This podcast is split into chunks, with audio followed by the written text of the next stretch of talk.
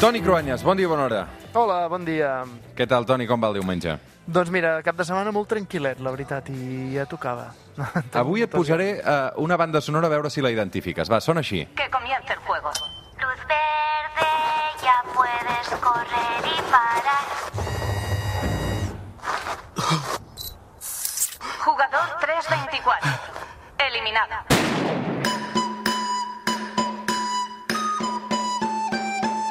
No t'espantis perquè, a veure, no parlarem només del Juego del Calamar eh, perquè és aquesta sèrie que tothom està mirant, eh, de les més vistes de la història de, de Netflix, eh, que Sí. genera controvèrsia, però això ens servirà d'excusa, Toni.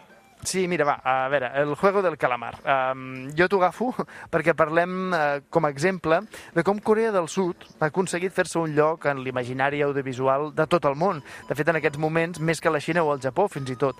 Els sudcoreans, amb la seva capacitat i creativitat, estan copant alguns sectors estratègics de l'economia del planeta. Per exemple, amb la tecnologia d'ordinadors, mòbils, electrodomèstics de Samsung o LG o les marques Hyundai o Kia. Són cotxes punters amb els nous models models híbrids i elèctrics, eh, els sudcoreans han passat de ser un país totalment irrellevant a marcar tendència, i també en la música. Segur que tothom li sona això. Open Gangnam Style! Gangnam Style! Home, clar, és que fins ara era parlar de Corea del Sud i et venia al cap el Gangnam Style i ara ja ens comença a venir també el Juego del Calamar que se l'està menjant d'alguna manera, eh? Clar, pel·lícules, sèries, música... És una estètica ja totalment coreana, perquè a més a més no és una rèplica dels americans, és una estètica pròpia. Els estudiants allà tenen els millors nivells, segons els estudis PISA, els adolescents marquen tendència en l'ús de les xarxes socials, les seves ciutats, especialment Seul, la capital, són també punteres en urbanisme intel·ligent. Situem una mica Corea al mapa perquè és una península enganxada a la Xina i, i molt propera al Japó, no, Toni? És una península de la mida del que seria la de Gran Bretanya. Des del Neolític, que és des de quan hi ha les primeres proves de presència humana, Corea ha tingut entitat pròpia, amb regnes diferents, que finalment es van unificar al segle X per la dinastia dels Goryeo. Eh, els Goryeo van donar nom a Corea, de Goryeo, Corea. Tot i que amb una gran influència xinesa, amb la filosofia de Confuci, Corea, tot i així, es va mantenir sempre aïllada, fins que a finals del segle XIX l'imperialisme creixent del Japó va fixar-se naturalment en Corea, perquè la tenien al costat. Els japonesos se la van annexionar des del 1910 fins al final de la Segona Guerra Mundial. I a la Segona Guerra Mundial, la divisió del món en els blocs comunista i capitalista, aquí també va tenir la seva repercussió amb Corea. Clar, els xinesos i els russos d'una banda, els americans de l'altra, van donar suport respectivament als dos bàndols que van protagonitzar la Guerra de Corea. Estem parlant doncs, des del final de la Segona Guerra Mundial fins al 1953. Allò va acabar amb dos milions de morts. Van dividir el país per la meitat, amb el paral·lel 38 fent de frontera, és aquesta frontera militaritzada entre les Corees del Sud i del Nord. I a Corea del Nord, eh, que té la, la paradoxa que és un país que té la bomba nuclear, però on la gent també es mor de gana, no?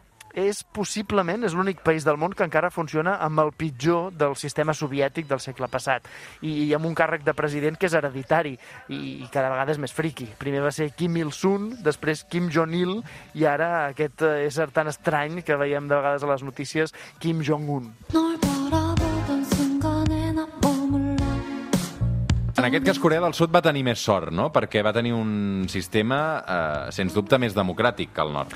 Sí, a veure, no ben bé, eh? perquè a l'inici la Corea bona era la del nord, era la zona amb més fàbriques, era la part més rica, en canvi el sud era un caos molt pobre. Mira, si ens fixem en l'any 60 del segle passat, eh, era més pobre que Zimbabue o Gabon, a l'Àfrica, eh? I de democràtic en aquell moment res, era un caos, fins que ells també van caure en un seguit de dictadors, però que en el seu cas van trobar el que en podríem dir la fórmula de l'èxit per al creixement del país. El primer dictador, Park Chung-hee, va fer un cop d'estat amb el suport de les 11 famílies més riques del país i un cop al poder va reunir aquestes famílies que tenien les principals empreses i va posar l'Estat a la seva disposició. Aquestes empreses van eh, expandir-se, van obrir fronteres, van acceptar també l'entrada del comerç exterior. Els Estats Units els van donar llavors molts diners perquè la frontera coreana amb el nord durant anys va ser una de les més perilloses amb el bloc eh, comunista, amb el bloc soviètic. Escolta'm, eh, va ser l'època de l'anomenat miracle coreà, això.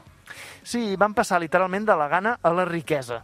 I aquest sistema, autoritari i capitalista a la vegada, s'assembla de fet al que hi ha avui a la Xina, però a Corea el van aplicar molt abans. Aquestes grans empreses que dèiem que tenien aquesta connivència amb el president del país se'n deien chaebols, i així es diuen encara. Eh? Són empreses privades, però que gairebé són petits estats en elles mateixes, tenen de tot. Són aquestes marques tan conegudes internacionalment. L'Estat va avalar la seva expansió, la seva recerca tecnològica, va augmentar al màxim el nivell educatiu del país per donar bons treballadors per a aquestes empreses. O sigui, una mena de barreja d'autoritarisme polític i capitalisme econòmic. Sí, això va portar a l'excel·lència en algunes eh, generacions, les últimes, però, però també ha portat a grans desigualtats. Per exemple, és el país amb la taxa de suïcidis per càpita més gran del món.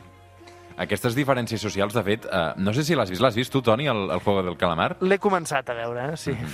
Vull dir que tot això es veu també en aquesta sèrie, eh, o també en aquesta altra pel·lícula. La vecina le ha puesto contraseña a su router. Ah, ya está. Bendito sea San Wifi. Això és Paràsitos, que va guanyar l'Oscar a millor pel·li l'any passat. Sí, ara mateix Corea del Sud està vivint, jo diria que una revolta cultural interna contra la tradició, però ho està fent amb els ulls del món globalitzat mirant-los. I jo crec que segurament per les noves generacions el fenomen que millor encapsula aquest canvi eh, generacional és el K-pop, que és un gènere musical per ell mateix i que està arrasant al món dels joves.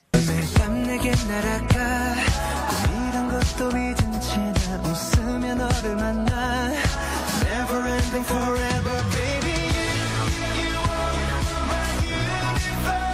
De fet, això que expliques, eh, això, encara que sembli mentida, és Coldplay. És Coldplay el- la última cançó, l'últim disc que han llançat els, els britànics, eh, ho han fet amb una cançó on col·laboren amb, crec que ho hem de pronunciar, BTS, no? Uh, BTS, que és BTS. Es nota sí. que tu no tens fills, perquè els, els nens de 7, 8, 10 anys ja estan tots amb aquestes cançons del BTS, són superconeguts. O sigui, que Realment, això és, i són eh, sí. Doncs imagina't, eh, Coldplay els ha agafat d'alguna manera, que segurament Coldplay ara és la banda més eh, multicultural i més globalitzada de, de tot el món, doncs eh, s'han volgut ajuntar amb ells per llançar aquest, no, aquesta nova cançó, no? No, no, Corea del Sud ho peta, ja ho veus. I el Juego del Calamar, la setmana que ve te la comento i l'acabo. Molt bé, doncs avui amb els Beatles i Coldplay fins les 9 del matí. Una abraçada, Toni. Bon dia.